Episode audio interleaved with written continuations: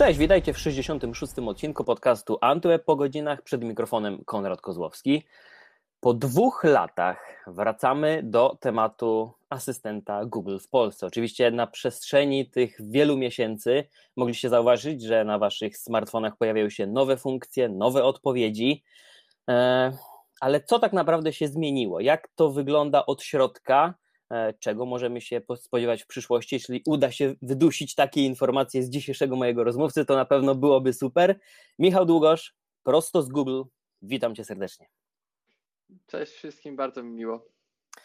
Michał, e, rozmawialiśmy kilka dni przed uruchomieniem asystenta Google w Polsce. To było nie lada wydarzenie. E, wystartowaliście na kilku urządzeniach, platformach, ale oczywiście od razu po zakończeniu waszej prezentacji po tym, jak dowiedzieliśmy się, czego będzie można się po nim spodziewać, i tak naprawdę y, od razu po wdrożeniu asystenta Google na, na, na urządzeniach polskich użytkowników, pierwsze chyba pytanie, jakie padało, to było to dotyczące tych urządzeń, na których się pojawiło, dlaczego nie ma na pozostałych. No więc tak naprawdę czuję się zobligowany zacząć od tego pytania i zapytać, co w temacie właśnie obecności polskiego asystenta na głośnikach, na telewizorach jak to wygląda, dlaczego jeszcze nie ma i, i, jak się rysuje przyszłość tak naprawdę w tej kwestii. Jasne, wiesz co, to e, rzeczywiście od tego naszego ostatniego spotkania minęło dużo czasu i, i, i, na szczęście dużo rzeczy w asystencie czy z asystentem Google się wydarzyło, z których jesteśmy zadowoleni. Jeśli chodzi o rozwiązania sprzętowe, tutaj rozumiem, że odnosisz się między innymi do głośników czy do telewizorów, to, to, to pewnie nasze podejście w tym momencie jest e, cały czas podobne. To znaczy, dla nas główną platformą dla Polski jest e, telefon i e, dbamy o to i, i staramy się, żeby polscy użytkownicy jak najlepiej poznali asystenta właśnie na swoich telefonach, po to, żeby on okazał się dla nich pomocny, żeby znali te E, pamiętam, jak rozmawialiśmy te kilka lat temu, to były dwie, trzy funkcjonalności, które mogą być pomocne. Teraz pewnie polski użytkownik zna ich już, nie wiem, 10 czy 15, z których może korzystać i, i z tego się cieszymy. E, budując tą bazę, e, dopiero wtedy tak naprawdę, kiedy mamy już grupę użytkowników zaznajomionych z asystentem, możemy, czy będziemy mogli być może myśleć o, o, o wejściu na, na kolejne urządzenia. E, natomiast tutaj oczywiście no nie, nie możemy się podzielić żadnym e, terminem czy, czy, czy, czy planami przyszłymi. Natomiast e, być może odpowiadając trochę na Twoje pytanie, mm, jedna z rzeczy, z których jesteśmy dumni z ostatnich miesięcy, tak naprawdę, to jest uruchomienie w ramach asystenta na naszych telefonach kontroli urządzeń smart home. I to też pokazuje, że mamy tutaj kolejny krok, który e, robimy w stronę e, smart domu, w stronę tego, że asystent e, będzie pomocny nie tylko kiedy jesteśmy zabiegani, czy kiedy jeździmy samochodem, ale również wtedy, kiedy jesteśmy w domu. Także już teraz każdy z użytkowników, który nas będzie słuchał, w zasadzie może powiedzieć do swojego telefonu: włącz, wyłącz światło, rozpocznij odkurzanie, czy cokolwiek innego macie, jeśli chodzi o, o smart home. E, I, I to jest naprawdę duży krok, który już teraz zrobiliśmy. Tak? Pewnie te, te, te kolejne kroki będą oczywiście przychodziły. Niedługo koniec roku, zobaczymy, jak ten 2021 będzie wyglądał. Aha, czyli mimo panującej za oknem aury, tak to dyplomatycznie ujmę, mimo wszystko pozostajecie optymistyczni, jeśli chodzi o rozwój asystenta Google. Ja jestem ciekaw tego, bo rzeczywiście tego czasu minęło od momentu wprowadzenia i tak naprawdę e, jeszcze też jedną, na jedną rzecz zwróciłem uwagę, że od czasu do czasu pojawiają się jakieś powiadomienia albo sugestie w asystencie Google, które podpowiadają użytkownikom, z czego, jakie nowości się pojawiają, z czego mogą skorzystać. Czy to też jest tak, że one są w jakiś sposób dobierane E, te, te, te nowości, o których informujecie użytkowników, e, czy to tak naprawdę te powiadomienia są pewnego, pewnego rodzaju podsumowaniem wszystkiego, co wdrożyliście? A może zacząłem troszeczkę od końca, bo tak naprawdę chciałem zapytać o to, e, jak bardzo z perspektywy, z waszej perspektywy się zmienił asystent Google na smartfonach, bo jeżeli użytkownik nie będzie y, taki, nikt, nikt, nie lubi tego określenia, ale tak powiem, zwykły użytkownik nie będzie doszukiwał się nowości w aplikacjach, mm, tak. nie będzie regularnie co tydzień weryfikował, czy już mogę włączyć światło po polsku, czy mogę uruchomić ulubioną stację radiową, która wcześniej w jakiś sposób na przykład nie była zrozumiana dobrze nazwa, przełożona przez wszystkie te algorytmy. Jak to wygląda od środka? W jaki sposób e, ważycie, co jest istotne, co nie jest istotne na tyle, żeby poinformować w tak widoczny sposób? Jasne. Wiesz, to jest tak, że mm, oprócz tego, że oczywiście patrzymy czy analizujemy to, w jaki sposób polscy użytkownicy, czy w ogóle użytkownicy na świecie korzystają z asystenta, to jest pewnie pierwsza rzecz. E, staramy się być pomocni przede wszystkim tam, gdzie nasi użytkownicy tą, tą wartość produktu widzą i, i, i tam te obszary rozwijać. E, to, to z drugiej strony myślę, że bardzo często patrzymy też na to, e, w jakich warunkach nasi użytkownicy się teraz znajdują i co w aktualnej ich sytuacji mogłoby być pomocne. Dam może kilka przykładów odnośnie tego. E, przed chwilką rozmawialiśmy o, sma o smart home. E, no, ludzie siedzą w domach albo e, są zachęcani też bardzo często do tego, żeby jednak zostać w domu, więc my chcemy być pomocni też w domu i, i dlatego na przykład robimy taki, a nie inny krok. Ale dam, dam, dam inny przykład. W momencie, kiedy, kiedy mieliśmy tak naprawdę ten pierwszy etap e, pandemii e, w tym roku jeszcze, e, kiedy tak naprawdę wszyscy byliśmy no, bardzo mocno dotknięci dużą ilością przed negatywnych informacji, która, która cały czas gdzieś tam krążyła po, po świecie.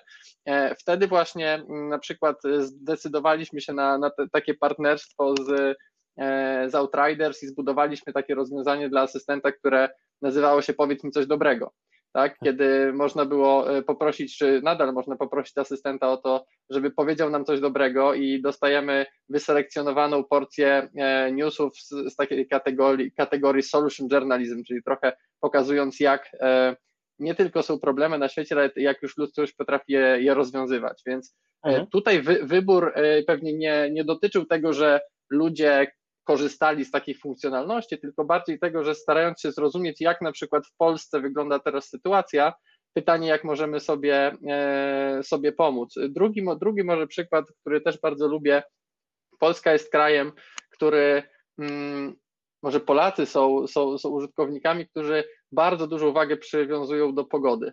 E, I sposób, w jaki my analizujemy pogodę, Tutaj musiałbym znaleźć zewnętrzne źródło, natomiast e, pamiętam zawsze, że Polska jest jednym z niewielu krajów, który mierzy ciśnienie, e, jeżeli chodzi o, o pogodę, więc e, my naprawdę bardzo dokładnie sprawdzamy to, jakie, jakie są prognozy.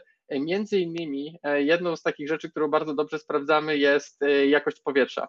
To jest coś, co jest stosunkowo świeże. Jesteśmy akurat w takim, a nie innym sezonie, mhm. więc pewnie też to będzie na czasie. E, I bodajże rok temu e, właśnie też staliśmy przed takim, takim czasem, kiedy myślimy, OK, teraz wszyscy będą sprawdzali, jaka jest jakość powietrza. E, wychodząc, ubieram buty, szykuję wózek i chcę wyjść na spacer, to chcę szybko spra móc sprawdzić, jaka jest jakość powietrza. To co moglibyśmy zrobić, żeby to ułatwić naszym użytkownikom? I tak na przykład powstała integracja, którą, która była zbudowana przez Early, przez Onet, do której my też się dołączyliśmy z naszej strony i nadal cały czas ja korzystam też z e, OK, OK Google, e, jaka jest jakość powietrza w Warszawie czy w dowolnym innym mieście e, i dostajemy szybką, fajną odpowiedź, tak? Więc mhm. to są takie aspekty, gdzie myślę, że po prostu podsumowując, staramy się zacząć od użytkowników naszych polskich, starając się zrozumieć z jednej strony, z czego już korzystają, albo z drugiej strony, w jakich sytuacjach się znajdują, gdzie ten asystent mógłby być dla nich pomocny. A czy jest też tak, że przyglądacie temu, jakie zapytania do nas spływają? Czy są jakieś raporty tworzone na podstawie tych e, komend, które są podawane do asystenta Google? Więc podejrzewam, że w formie audio tego oczywiście nie analizujecie, ale myślę, że w jakiś sposób jest sumowane i jeśli jakieś słowa kluczowe lub nawet całe frazy się powtarzają, e, no to takie sygnały do Was docierają. Zauważacie, że istnieje jakieś konkretne zapotrzebowanie. Tak, tak. E, to znaczy, no, mamy oczywiście zrozumienie tego, jakie nazwijmy to funkcjonalności asystenta są bardziej lub mniej wykorzystywane. Nie oznacza to, że analizujemy dokładne zapytania użytkowników i tak dalej. Bardziej chodzi o to, że pewnie rozumiemy, czy ustawianie przypomnień jest bardziej popularne niż nie wiem, mhm. puszczanie muzyki czy włączanie latarki, tak? To, to na, na tym poziomie oczywiście. Ja myślę, że to jest też e, taki obszar, który nam daje pewną wytyczną odnośnie tego, które z obszarów na przykład wymagają dalszej pracy czy dalszego rozwijania. E, mhm. I znowu może posłużę się przykładem, bo tak chyba najłatwiej. Mm, wiemy, że jedną z rzeczy, która jest super ważna dla polskich użytkowników, jest korzystanie z asystenta podczas jazdy samochodem. E, mhm. Słyszymy to już nawet nie tylko w danych, ale pracując po prostu z użytkownikami, prowadząc różne badania, e, wiemy, że, że jest to jedna z podstawowych e, funkcjonalności. Z drugiej strony komunikacja za pośrednictwem asystenta, dzwonienie, wysyłanie SMS-ów, zwłaszcza tych takich długich, które zawsze no, trzeba to było mhm. wyklikać, teraz można po prostu powiedzieć, jest super. Rzeczą, której brakowało w Polsce przez jakiś tam, jakiś tam czas, była możliwość odczytania wiadomości, którą dostajemy. Czyli wyobraźmy sobie sytuację, jadę samochodem, dostałem SMS-a, który widzę, że jest w ogóle dość długi i nie mam okazji go przeczytać, a w ogóle nie powinienem go czytać, bo właśnie prowadzę. Mhm. Więc mieliśmy świadomość, że to jest coś, co będzie dla polskich użytkowników bardzo ważne, bo już z tego obszaru bardzo często korzystali. E, więc skupiliśmy się na rozwoju tego obszaru. Powstało e, tak naprawdę zostało w Polsce uruchomione e, możliwość przeczytaj moje wiadomości, E, i w tym momencie ona już fajnie działa. Asystent odczytuje nam wiadomości, które dostajemy, daje możliwość łatwego odpowiedzenia na nie e, i, i już. Więc to jest też pewnie taki mm, sposób, w jaki my tego polskiego asystenta czy asystenta w ogóle staramy się e, dalej rozwijać, znowu patrząc na to, co, co dla naszych użytkowników będzie najbardziej potrzebne w danym momencie. Mhm. Ja pytałem o te statystyki nie bez przyczyny, bo e, wspomniałeś o tym, jak kreowana jest przyszłość asystenta Google w takim polskim kontekście, czyli też sami jako mieszkańcy tego kraju obserwujecie, co jest popularne, co może być przydatne. Ale czy to nie jest też tak, że o niektórych rzeczach nawet możecie właśnie nie pomyśleć, nie przewidzieć ich i, I oczywiście te komendy, które działają, to tak jak powiedziałeś, czy przypomnienia, kalendarz, e, czy odczytywanie wiadomości, to podejrzewam, że e, to obserwujecie. Natomiast druga strona medalu jest taka, że są komendy, które nie działają. I tak jak mówiłem, być może one się powtarzają. Czy, czy, czy widzicie, czy dostrzegacie takie, czy jest jakaś na przykład komenda, która przyszłaby ci teraz do głowy, o której wam nie przyszło, nie przeszła wcześniej przez myśl, ale ze względu na to, że użytkownicy dość często o to pytali swoje telefony asystenta Google, postanowiliście to wdrożyć. To tutaj pewnie to jest dobry przykład właśnie z przeczytaj mojej wiadomości. To, to jeszcze raz do, do niego się odniosę, bo to pewnie była właśnie podobna historia, że widzieliśmy, że takie zapytania się pojawiają, więc wiedzieliśmy, że jeżeli, jeżeli wdrożymy to rozwiązanie, no to będzie ono po prostu wykorzystywane przez użytkowników, więc e, myślę, że to, to, to zawsze jest dla nas e, taki też sposób na sprawdzenie tego, czy, czy, czy to jest kierunek, w którym warto gdzieś tam mhm. iść. Odniosę się jeszcze może do dwóch kwestii, bo poruszyłeś tak naprawdę myślę, że dwa pytania tutaj. Jedno to jest e, co, kiedy mamy mm, sytuację, kiedy coś nie działa w asystencie i czy, mhm. czy my to analizujemy, czy, czy patrzymy na to, czy jesteśmy w stanie na tej podstawie gdzieś tam ten produkt rozwijać, mm, to, to tak jak najbardziej. I to, to jest pewnie zupełnie inny e, gdzieś tam obszar do dyskusji. E, ja e, zachęcę po raz kolejny, i tutaj wrócę do tego, o czym rozmawialiśmy dwa lata temu, to znaczy mm, do wszystkich użytkowników asystenta, którzy są tymi, nazwijmy ich po staropolsku heavy userami, czyli tymi, którzy, którzy najczęściej z tego asystenta korzystają wielokrotnie. Jeżeli widzicie, że coś nie działa, zachęcamy do kliknięcia w swój awatar i przesłania opinii. To jest dla nas e, kanał, którym, e, który rzeczywiście jest analizowany i, i te, te opinie są sprawdzane. Jeżeli widzimy, że pewne, pewien problem pojawia się wielokrotnie, to, mhm. to to jest obszar, w którym, którym my możemy się też zająć i, i, i na który będziemy, będziemy patrzyli. Więc E, tutaj my z jednej strony staramy się patrzeć na to, co dla naszych użytkowników e, będzie pomocne, e, ale też pewnie z tej strony prosimy o, o interakcję w drugą stronę, tak? Czyli to wy tak naprawdę możecie trochę pomóc, żeby w odpowiednich obszarach ten asystent się, się rozwijał właśnie przez to przesyłanie opinii, i, i, i to nie są rzeczy, które wpadają w jakąś tam czarną przestrzeń, tylko rzeczywiście rzeczywiście są, są brane pod uwagę, więc pewnie to jest taka najlepsza odpowiedź na ten moment. No, myślę, że właśnie ta czarna przestrzeń to jest najlepsze zobrazowanie tego, jak sobie wyobrażają to użytkownicy, bo myślę, że lata przyzwyczajeń i korzystania z wszelkiej maści technologii już do tego przyzwyczaiły, że gdzie nie zostawimy opinii, gdzie nie wyślemy jakiegokolwiek zgłoszenia, to się tak naprawdę nie doczekamy żadnej odpowiedzi na to, więc bardzo fajnie, że zwróciłeś na to uwagę, a ja chciałbym przejść do kolejnego kroku tak naprawdę, bo mm, Oczywiście w momencie wprowadzenia asystenta Google do Polski już o tym rozmawialiśmy, ale myślę, że teraz jest jeszcze na to szansa na, na być może szersze, ciekawsze.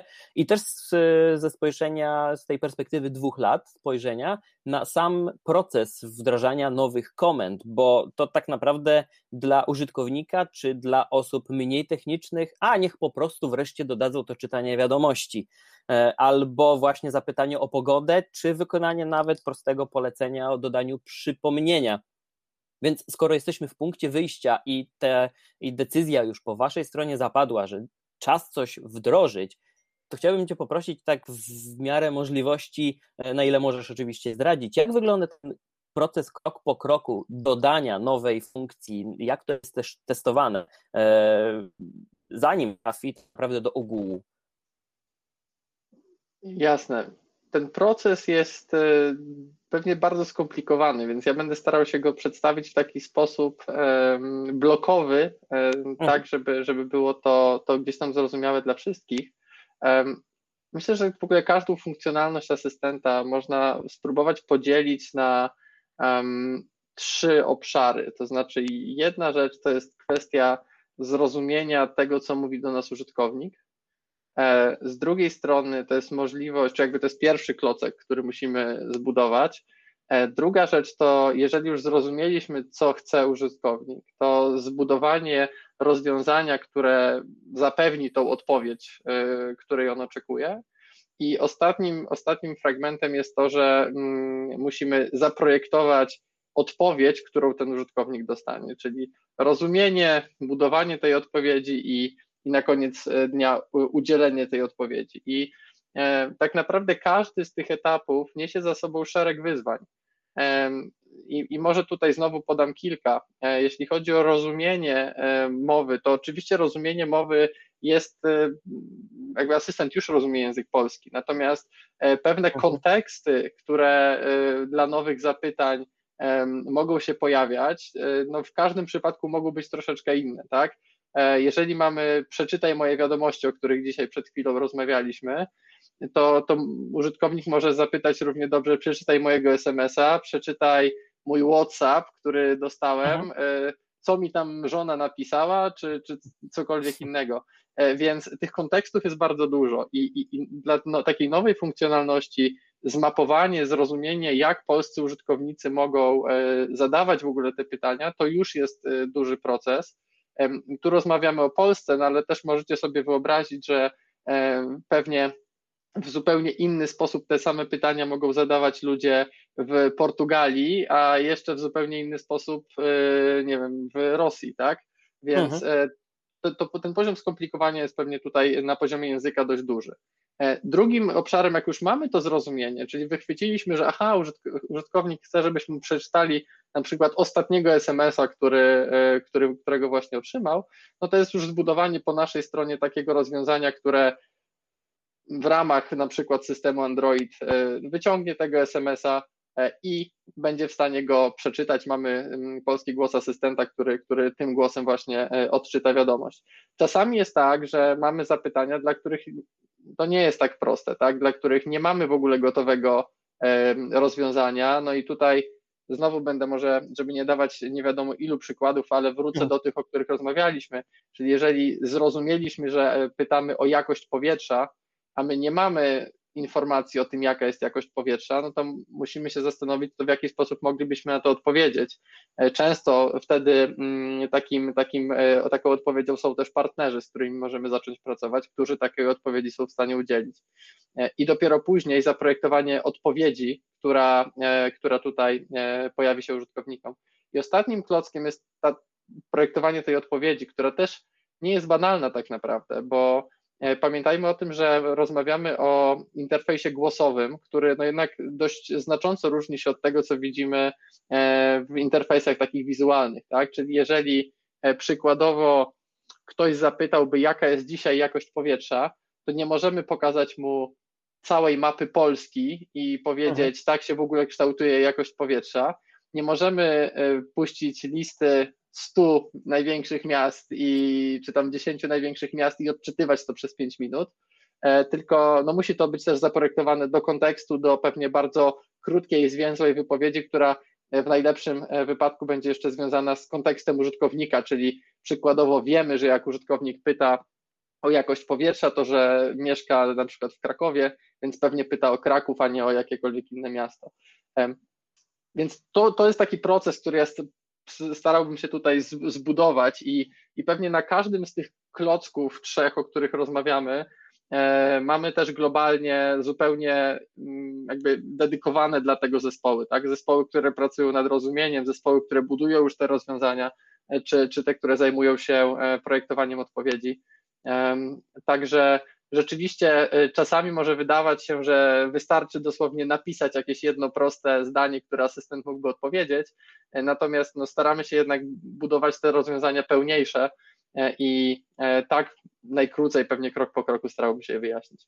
Mhm. A gdybym Cię poprosił o takie ujęcie w ramach czasowych e, wdrożenia. Oczywiście nie będę przykładał jednej komendy do drugiej, bo tak jak powiedziałeś, zróżnicowanie jest naprawdę spore, ale jestem ciekaw tego, jak minimalny albo maksymalny czas wyniósł, zanim tak naprawdę e, udało się wdrożyć już globalnie dla każdego użytkownika e, jedną z komend. Tutaj będzie mi ciężko na to pytanie odpowiedzieć, bo y, też myślę, że nie każda z tych komend będzie bardzo, bardzo, bardzo różna i mhm. w zależności od poziomu skomplikowania, jeżeli mówimy o prostych odpowiedziach w stylu pytanie-odpowiedź, y, pamiętam jeszcze, może odniosę się do tego, jak E, odnoszę się do tego, jak rozmawialiśmy przy samym launchu asystenta, przy uruchomieniu go w Polsce, mhm. kiedy przykładowo pracowaliśmy nad jego e, osobowością i tam jest cały zestaw e, pytań, odpowiedzi, które nadają mu trochę takiego bardziej polskiego, mamy nadzieję, charakteru. No to to są oczywiście pytania, odpowiedzi, które jesteśmy w stanie bardzo szybko wdrożyć, tak? To, to, I to, to pewnie jest na poziomie dni czy, czy, czy, czy, czy tygodnia czasu mhm. po y, rozwiązania takie jak y, przykładowo teraz uruchomiona właśnie kontrola Smart Home, e, która dotyczy całego zestawu partnerów, e, pełnego portfolio urządzeń. E, mhm. Przyznam się, że tutaj nawet ciężko mi komentować, ile czasu to zajmuje, ale no jesteśmy dwa lata po łączu i właśnie się pojawiła, więc to też jest jakiś pewnie punkt odniesienia. Mhm. E, muszę zapytać właśnie o tę polskość, ale nie, jeszcze nie w kontekście żartów, do tego dojdę, mhm. ale te, te, jak dużym wyzwaniem jest język polski, bo władasz językiem angielskim, władasz językiem polskim, e, na pewno korzystałeś z asystenta Google jeszcze zanim oczywiście rozumiał i był w stanie udzielać odpowiedzi w języku polskim, ale też uwzględniając ten aspekt techniczny, czy, mm, e, czy czy tworzenie działania nowych komend na jakimkolwiek etapie y, można przyłożyć jeden do jednego, właśnie jak to się dzieje w przypadku innych języków? Czy są przypadki, że wystarczy, tak jakby wizualnie, bardzo to ujmę, y, nałożyć polski język na to, czyli rozpoznanie, odpowiedź i mamy działającą funkcję? Czy jednak zawsze na każdym z tych etapów trzeba w te tak jakby gotowe bloki gdzieś działające za granicą w jeszcze większym stopniu ingerować? To znaczy, myślę, że w wielu przypadkach my tak staramy się też działać, e, bo gdybyśmy musieli za każdym razem dla każdego nowego języka budować od zera wszystkie rozwiązania, e, to mhm. no niestety uruchamianie tego produktu na kolejnych rynkach zajmowałoby e, dekady pewnie, a nie miesiące czy, czy, czy, czy, czy, czy lata.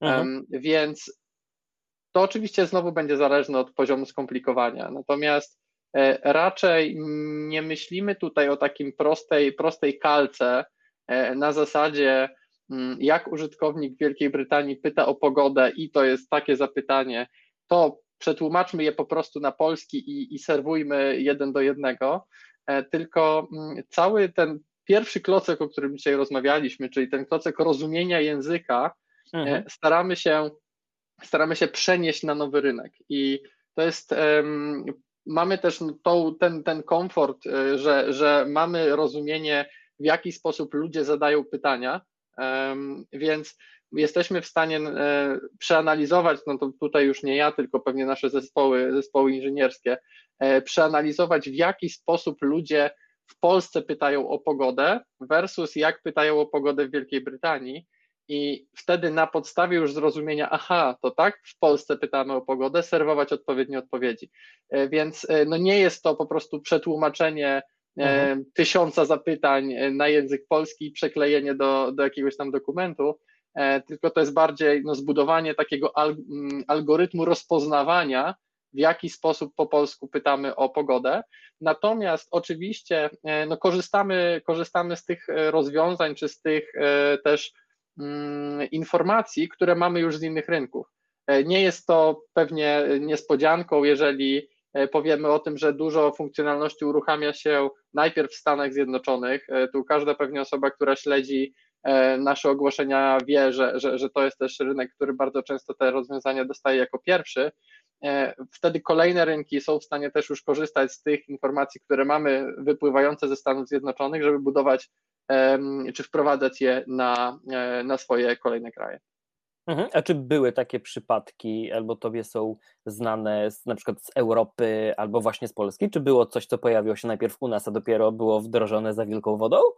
To znaczy, ja myślę, że bardziej mam tutaj przykłady takich rzeczy, które są stricte w Polsce e, okay. i rzeczywiście zostały zbudowane, zbudowane dla e, Polaków. E, myślę, że to są najczęściej tak te rzeczy, które mamy unikalne, są związane albo z osobowością, czy z, no, z osobowością asystenta, która z założenia ma być dużo bardziej lokalna, lub z partnerstwami, które budujemy, też często lokalnie.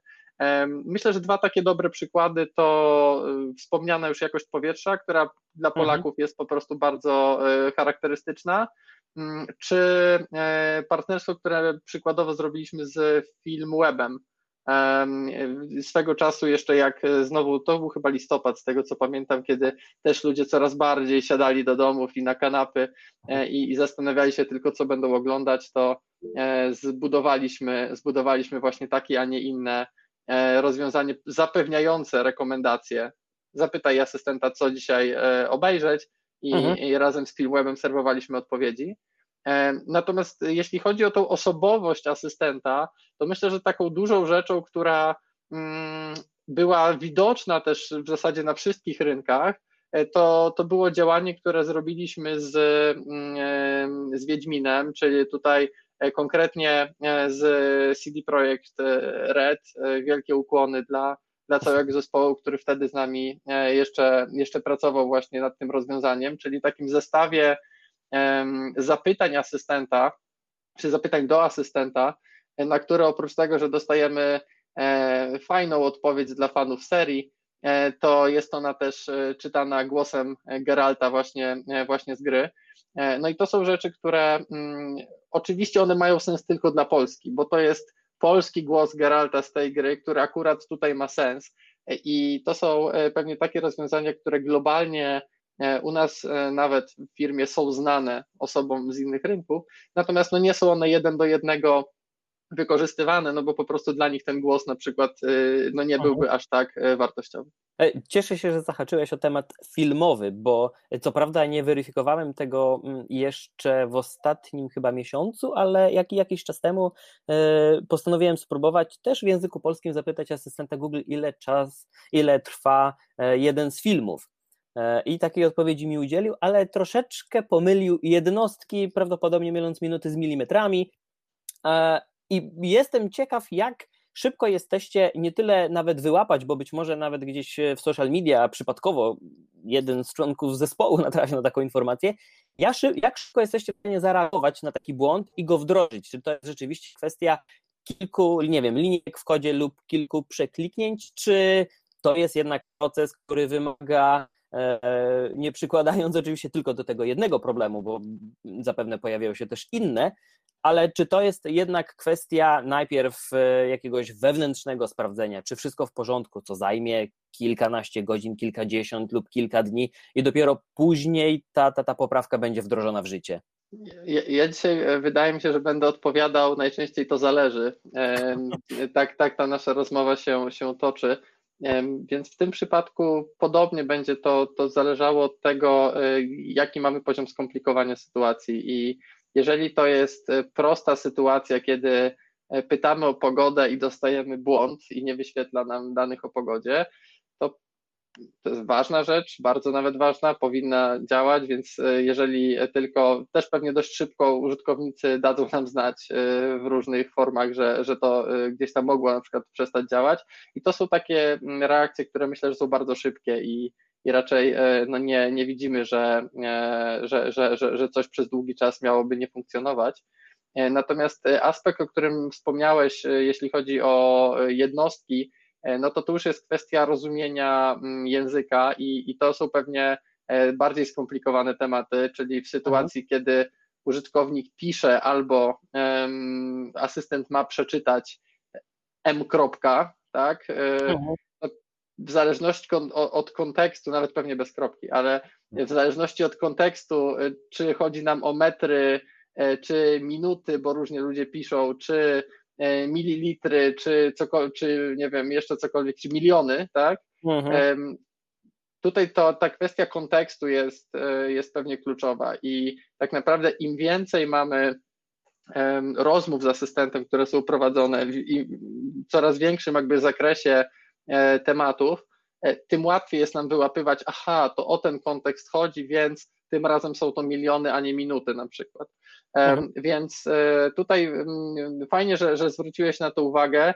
E, ja mam nadzieję, że to kliknięcie w prześlij opinię się wydarzyło. Natomiast, e, mhm. natomiast tak, tak, no takie rzeczy oczywiście będą się pojawiały i znów wrócę może do tego, o czym mówiłeś, jeśli, jeśli chodzi o poziom skomplikowania języka polskiego no tych kontekstów jest po prostu bardzo dużo I, i, i myślę, że one też będą cały czas pojawiały się jako nowe, jakby coraz więcej mamy funkcjonalności, więc będzie też coraz więcej kontekstów, w których, o, czy o których będziemy musieli, musieli wiedzieć, więc ta praca jest nieustająca. To, to nie jest taki zamknięty twór, który e, już został odłożony na półkę i, i, i sobie funkcjonuje, tylko myślę, że tak naprawdę z każdym miesiącem się pojawia. I oczywiście myślę, że dla różnych użytkowników ten postęp jest widziany w różnym tempie, w zależności od tego, z czego też, też korzystają, bo często te zmiany są e, albo są drobne, e, mhm. ale ich się nie do końca, mm, jakby je się nie, ich się nie do końca czuje, dlatego że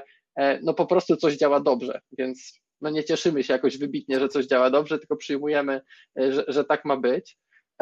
Z drugiej strony, z drugiej strony e, są takie rzeczy, które są, wydaje się, wydaje się małymi, e, małymi mm, poprawkami, ale które no jednak znacząco zmieniają tę, tę perspektywę. Jedną z moich ulubionych poprawek, która została, czy poprawek, rozwiązań, które zostały wdrożone w ostatnim czasie, jest stosowanie interpunkcji w asystencie, czyli to, że od pewnego czasu już w tym momencie E, nie podpiszę się, w którym miesiącu to było, ale, e, ale na przestrzeni ostatnich miesięcy możemy postawić znak zapytania czy wykrzyknik tak, na, końcu, na końcu zdania, co też wcześniej nie było, nie było e, możliwe. Również dlatego, że coraz więcej osób zaczyna korzystać z wysyłania wiadomości. Wiemy, że jest to coraz bardziej wartościowe, skoro mamy tak dużo osób, które już z tego korzystają, żeby takie bardziej zaawansowane funkcjonalności dobudowywać dla nich.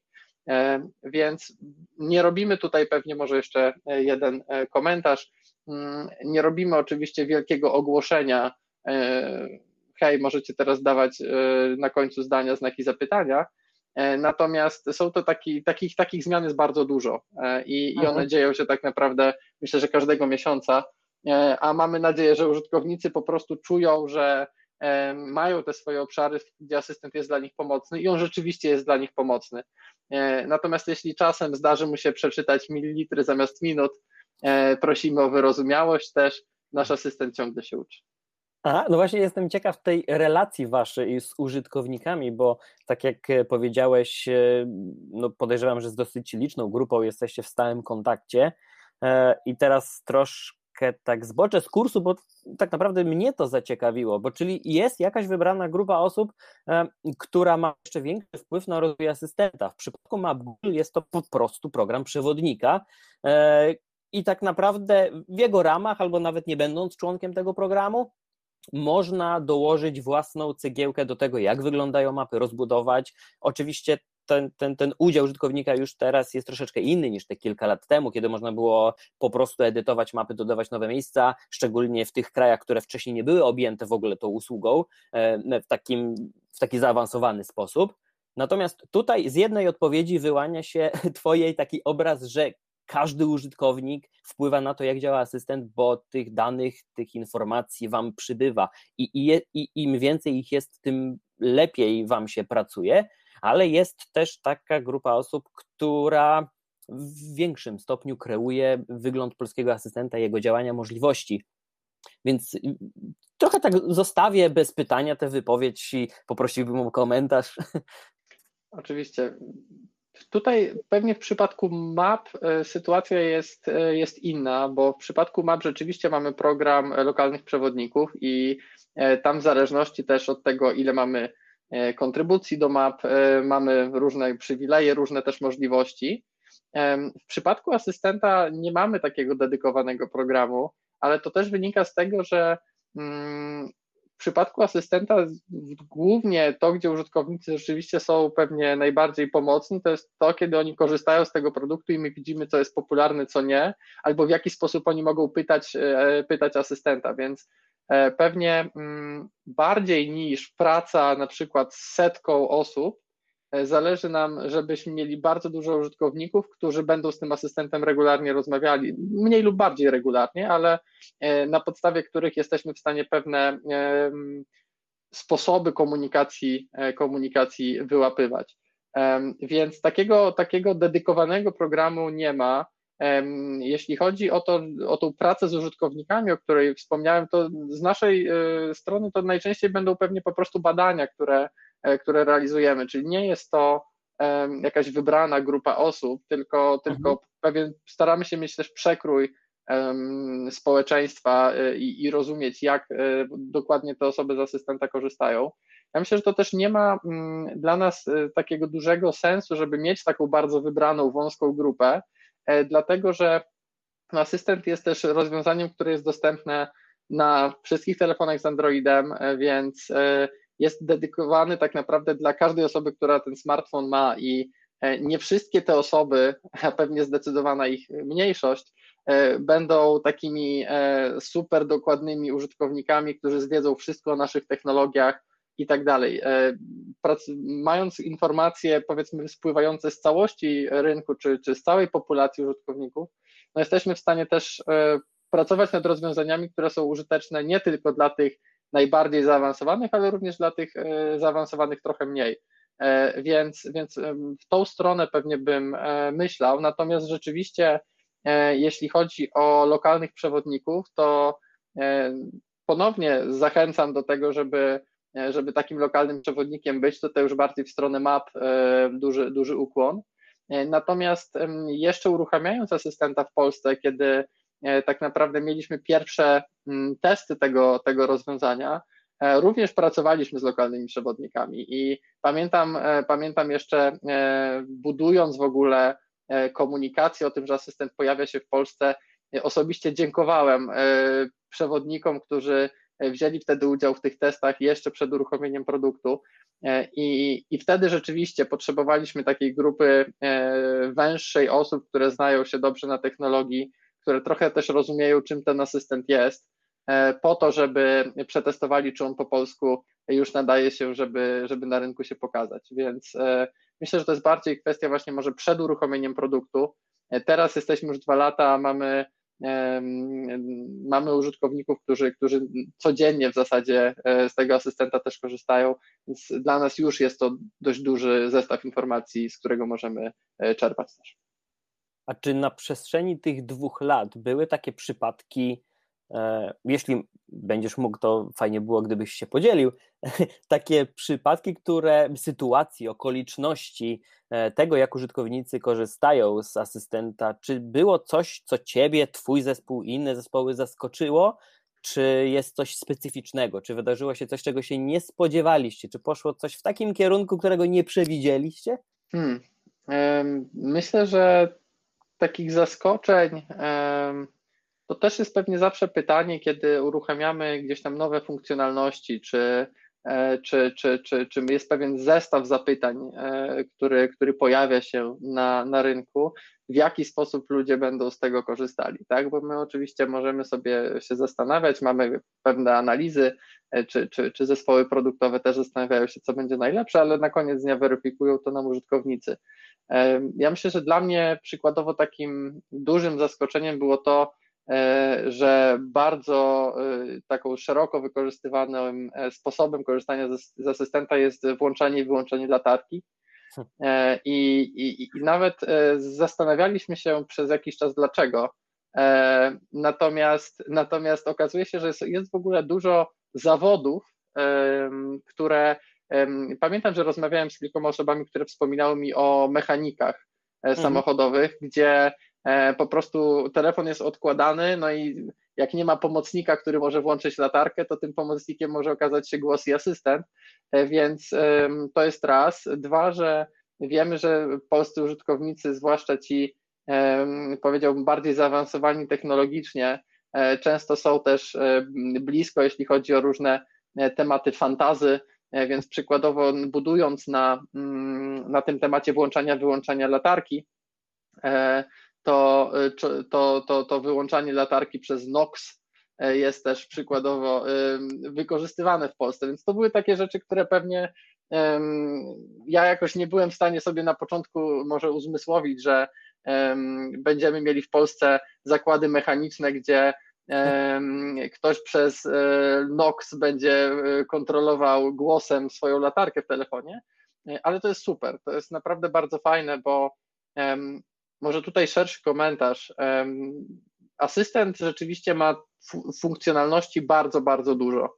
E, I w tym momencie sytuacja, w której jesteśmy, jest pewnie taka, że jakbyśmy zapytali różnych użytkowników, to różni użytkownicy powiedzą nam, że zupełnie coś innego jest dla nich e, kluczowe w mhm. asystencie. Dla jednych to jest wysyłanie wiadomości, dla innych to są remindery czy przypomnienia, e, dla innych to jest włączanie latarki. I i to jest naprawdę fajne, że, że już teraz w Polsce ludzie potrafili e, poznajdować sobie te obszary, e, gdzie nawet właśnie codziennie e, są w stanie z tego asystenta głosowego korzystać, bo tak jak rozmawialiśmy też przy uruchomieniu go, ja nie oczekuję, że każdy polski użytkownik będzie znał po prostu wszystkie komendy, czy wszystkie sposoby, w jaki, w jaki z asystenta może korzystać. Pewnie to nie ma sensu. Jeśli, jeśli ma te kilka, które poprawiają mu dzień e, i sprawiają, że, że, że jego życie jest tam ciut łatwiejsze, to, to super.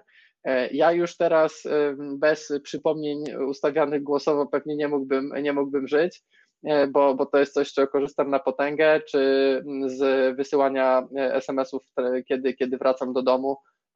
No to jest naprawdę dla mnie osobiście, tutaj już dzieląc się takim doświadczeniem, duża zmiana. E, a wiem, że też dla dużej ilości polskich użytkowników, e, którzy myślą podobnie. A czy nie ma takiej pokusy, że chciałbyś lub, a może to zrobiłeś, wdrożyć konkretną funkcję, która jest tobie właśnie potrzebna, albo koledze, który niedawno pracował biurko obok, no teraz oczywiście jest na drugim końcu łącza. E, czy takie historie też się zdarzały? Nie, nie. Oczywiście możecie próbować szukać, czy, czy asystent odnosi się do Michała Długosza w jakiś sposób, ale nie, nie, nie takich rzeczy nie, nie, nie, robiliśmy. Dla mnie pewnie taki, taki znak, który nasz polski zespół, czy, czy po prostu wszyscy, którzy nad asystentem polskim pracowali, który jest zostawiony, to jest, są albo rzeczy, które udało się wdrożyć w przypadku osobowości asystenta, E, która, no jeszcze pamiętam, jak długo gdzieś tam pracowaliśmy z bardzo dużą ilością osób nad tym, żeby takie polskie smaczki wyłapać. albo te momenty, kiedy rzeczywiście jesteśmy w stanie Polakom w jakiś sposób pomóc. To, to myślę, że jest wystarczający ślad dla mnie i, i nie muszę już być tam obecny w, z imienia i nazwiska, że tak powiem, czy w jakiejś innej easter formie. Jasne. Zapytałbym e, o liczby, ale wiem, że ich nie usłyszę, bo nimi nie, nie, nie chwalicie się od samego początku, e, więc zapytam w inny sposób, a też dając możliwość skomentowania tego, co się dzieje w ogóle na, na, na rynku, nie, nawet bezpośrednio z asystentem Google, a w ogóle z asystentami, bo myślę, że te ostatnie dwa lata, albo nawet ciut, e, ciut wcześniej, ten ostatni rok, to też już był okres, kiedy na asystentów, na inteligentnych asystentów już użytkownicy reagują zupełnie inaczej. E, te sytuacje, gdy nawet nie tylko dyktujemy wiadomości głosowo, bo nie chcemy ich pisać, e, ale właśnie wydajemy krótkie komendy, żeby telefon coś za nas zrobił, bo nie mamy wolnej ręki, bo nie mamy czasu, bo wolę w tym czasie patrzeć na coś zupełnie innego, a chcę uzyskać głosową, zwrotną odpowiedź. To myślę, że ja widzę z własnych obserwacji, bo jeszcze zanim asystent zaczął działać po polsku, to oczywiście e, i z pasji, i z potrzeby sprawdzałem wszystkie inne możliwości, między innymi też i Siri na iOSie. I ten wzrok, zdziwienie, zaskoczenie, a nawet momentami pogarda innych osób, e, no było widoczne, kiedy mówiłem do swojego telefonu. Teraz chyba ta sytuacja się nieco zmieniła. Tak, myślę, że tak. Ja pewnie dwojako bym odpowiedział na to. To znaczy, po pierwsze, mm, nie, nie, nie uważam, czy nie, nie wydaje mi się, że dojdziemy do takiego momentu, kiedy mm, technologia głosowa będzie y, jedyną słuszną i, i najważniejszą technologią. Ja myślę, że ona ma bardzo szerokie zastosowanie w określonych sytuacjach. E, w sytuacjach, kiedy jesteśmy zabiegani, zajęci, e, mamy zajęte ręce, czy ten telefon leży, leży gdzieś tam dalej od nas, e, wtedy jak najbardziej. I, i mam wrażenie, że rzeczywiście już ludzie nie mają takiego skrępowania, żeby, mm, żeby korzystać. I tu jest pewnie bardzo duże jeżeli, jeżeli widzą w tym wartość.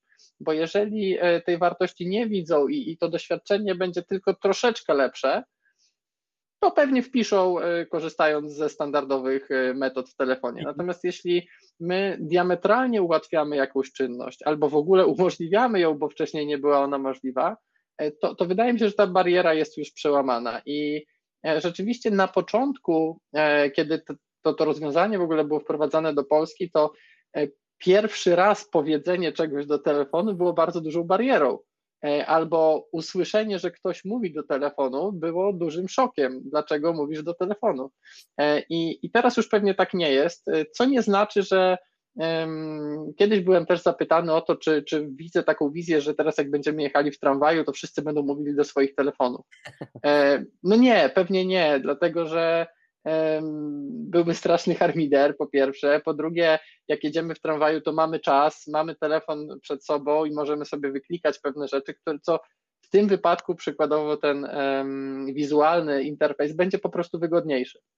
Ale mhm. z drugiej strony e, są takie momenty, e, nasuwa mi się e, zaskakujący udział no jeszcze w, da, w, dawnych czasach, ale rozmawiamy o dwóch lat, e, dwa lata, ale w dawnych czasach e, biorąc udział w weselu, e, kiedy do stolika, przy którym siedziałem, ktoś podszedł i korzystając z asystenta, mówiąc OK Google, zróbmy, zrób selfie, zrobił nam, zrobił nam wspólne zdjęcie, to jeżeli już ludzie są w stanie w środku wesela mówić do telefonu i czują się z tym OK, E, to znaczy, że pewna zmiana już została wykonana i ja się też nie cieszę. Będziemy zmierzać ku końcowi tej rozmowy i, i, i mimo wszystko e, chciałbym, muszę i też myślę, że bardzo dużo osób oczekuje, że wrócę oczywiście do tego tematu obecności polskiej wersji asystenta na innych urządzeniach, ale nie tylko urządzeniach, bo mamy też przecież e, integrację z innym, innymi usługami Google, aplikacjami. Między innymi ostatnie e, ukazanie się asystenta Google w mapach Google, gdzie można wygodnie e, wykonywać niektóre te zadania, zlecać wykonywanie zadań bez zasłaniania e, interfejsu nawigacji jakimikolwiek dodatkowymi dymkami, informacjami. Więc tak naprawdę nie wiem, jak dokładnie już sprecyzować pytanie, bo też nie wiem, na ile mógłbyś na nie odpowiedzieć, więc dosyć ogólnie to, to tak y, sformułuje, jaka przyszłość asystenta Google w Polsce nas czeka, jak długo będziemy musieli być przywiązani do telefonu, nie będziemy mogli skorzystać z niego na innych urządzeniach, e, bo ja też e, jestem użytkownikiem głośnika Google od znacznie dłuższego czasu niż dwa lata. I, I tak jak mówiłem wcześniej, też korzystałem z asystentów głosowych na telefonie.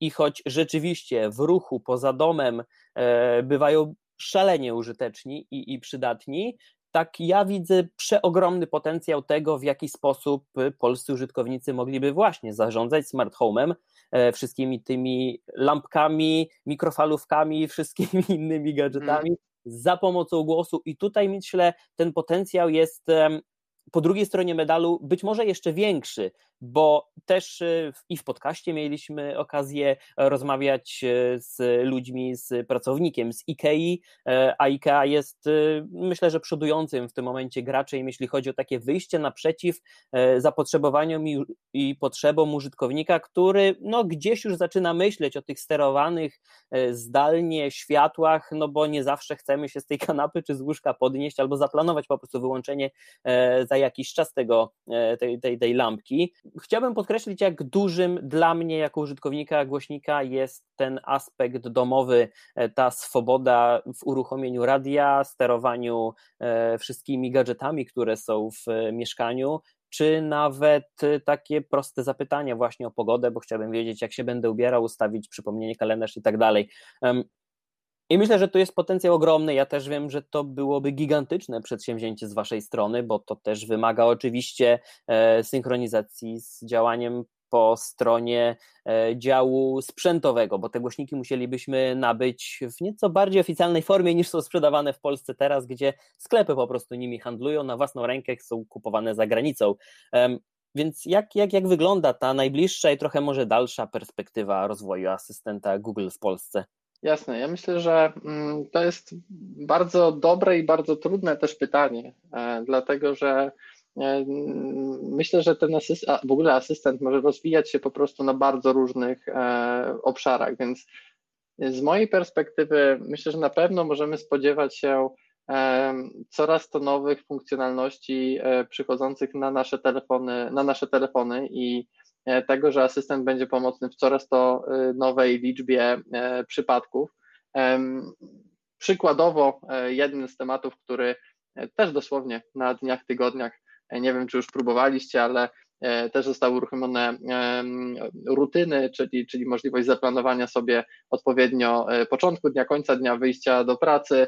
Teraz pewnie mniej dla osób pracujących zdalnie, ale E, jakiejkolwiek innej rutyny, którą macie w ciągu dnia. Więc to są rzeczy, które myślę, że będą się pojawiały e, na, na przestrzeni e, kolejnego roku i, i, i dalej. Drugi aspekt, który mamy, to, to aspekt związany, o którym wspomniałeś, z mm, nowymi urządzeniami. I tutaj, tak jak już wspomniałem na początku, no nie, nie mamy czy konkretnych odpowiedzi, czy konkretnych terminów, o których możemy w tym momencie rozmawiać. Natomiast, natomiast na pewno myśląc o, o, o przyszłości, mamy, mamy w głowie tematy związane z, z domem. E, I, I tutaj ten dom zostawi jako szeroki, szerokie jego pojęcie, tak? Bo e, to są tematy związane z kontrolą smart home, o której dzisiaj rozmawialiśmy. To są tematy e, związane z, z głośnikami, z telewizorami, z wszystkimi innymi sprzętami, które w domu mogą się pojawić. Więc e, myślę, że to na pewno jest obszar, o którym e, nasza firma myśli. Natomiast jeśli chodzi o to kiedy, gdzie i, i w jakiej formie, e, tutaj ciężko mi na ten moment komentować i, i już. Mam nadzieję, że przynajmniej ta, może nie przynajmniej, że ta, ten aspekt kontroli smart home'u, który dostarczamy teraz do wszystkich użytkowników, będzie już pewnym krokiem w tą stronę. E, I trzeci, trzeci obszar rozwoju to jest pewnie ten obszar partnerstw, o których też rozmawialiśmy,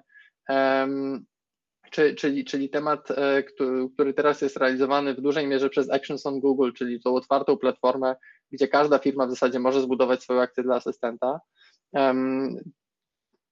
Takim obszarem, który pewnie, jeżeli miałbym mówić o rozwoju asystenta na przestrzeni lat, e, w którą stronę będzie on szedł, to, to myślę, że ostatnio w mm, USA zaprezentowaliśmy App Actions, I, I to jest taki kierunek, który myślę, że jest bardzo ciekawy. Znów nie mamy, czy ja nie mam żadnych terminów konkretnych do podzielenia się dla naszego kraju.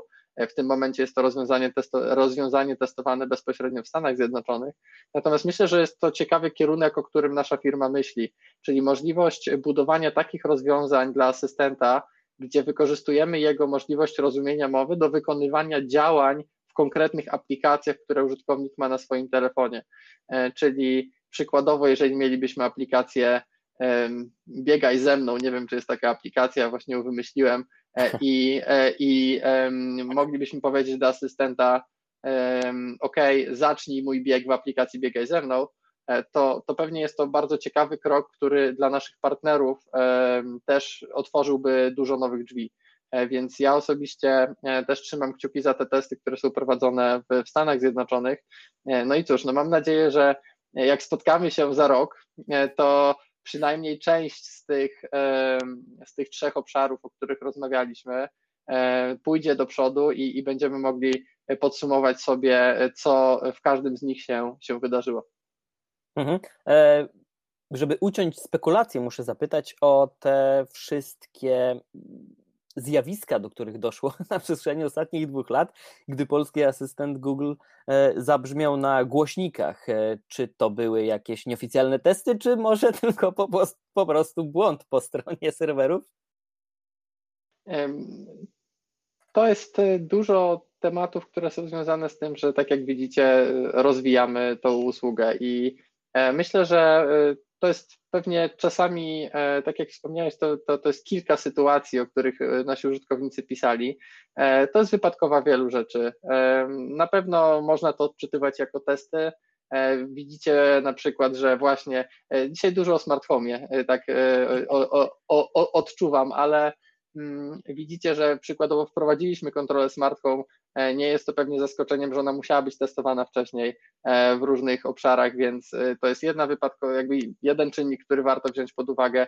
Drugi czynnik to są, jak to w technologii, wszelakie błędy, które są naprawiane w szybszym, szybszym lub wolniejszym tempie, w tym przypadku pewnie szybszym, dlatego jest to czasami sytuacja, kiedy jednemu czy dwóm użytkownikom w jakimś specyficznym setupie coś się wydarza, co może nawet wyglądać jak działające rozwiązanie, e, natomiast e, pamiętajmy o tym, że do momentu, kiedy tego ogłoszenia nie ma, e, to, to nigdy nie jest działające rozwiązanie, tak? I też nie chcemy pewnie pokazywać takich sytuacji, gdzie, gdzie ktoś opublikuje film, gdzie tutaj jedna komenda udało, udało się w jakiś sposób wywołać, to przestało w ogóle działać, ale, ale tam na jedną komendę udało się odpowiedzieć. To nadal nie jest w pełni działające rozwiązanie i, i staramy się dostarczać takie e, roz, już jakby rozwiązania do użytkowników, z których oni będą też zadowoleni, pod którymi my będziemy mogli się podpisać, a nie takie, które no wybiórczo gdzieś tam e, raz na jakiś czas zadziałają, więc dlatego e, do czasu, kiedy to nie jest w pełni gotowe dla polskiego, no tutaj, tutaj po prostu te rozwiązania nie są, nie są dostępne. I myślę, że tak, trzymamy kciuki za te wszystkie trzy obszary, myślę, rozwojowe, bo w każdym z nich e, myślę, że znaleźlibyśmy coś ciekawego. No, mi też nie pozostaje nic innego jak trzymać kciuki, bo tak jak mówię, namawianie na zakup nowego gadżetu dzisiaj innych osób nie jest trudne, bo myślę, że też już jako społeczeństwo dojrzeliśmy do tego, że jesteśmy w stanie dosyć szybko docenić to, jak technologia jest nam w stanie ułatwić codzienne życie. Natomiast ta bariera językowa w przypadku głośników jest jeszcze dosyć duża i nawet może nie chodzi o umiejętności, być może jakaś odrobina obaw, jak zostanie to odebrane przez osoby dookoła, co jest oczywiście zupełnie zrozumiałe, więc trzymamy y, kciuki za wszystko, co może się wydarzyć z polskim asystentem Google. A ja chciałbym tylko powiedzieć, że bardzo się cieszę, że udało nam się tę rozmowę przeprowadzić. Myślę, że rzeczywiście ten mm, okres dwóch lat był dobrym czasem, po którym można było podsumować, co się udało osiągnąć i to jest ten punkt, w którym możemy spojrzeć e, w przyszłość. A tak jak mówisz, ona rysuje się bardzo interesująco i to nawet w tym najbliższym przed nami okresie. Michał Długosz, prosto z Google miałem powiedzieć, ale wiem, że pracujesz zdalnie, więc powiem po prostu z Google. Serdecznie dziękuję za tę rozmowę. Bardzo dziękuję i pozdrawiam wszystkich, którzy będą słuchali. Dziękujemy.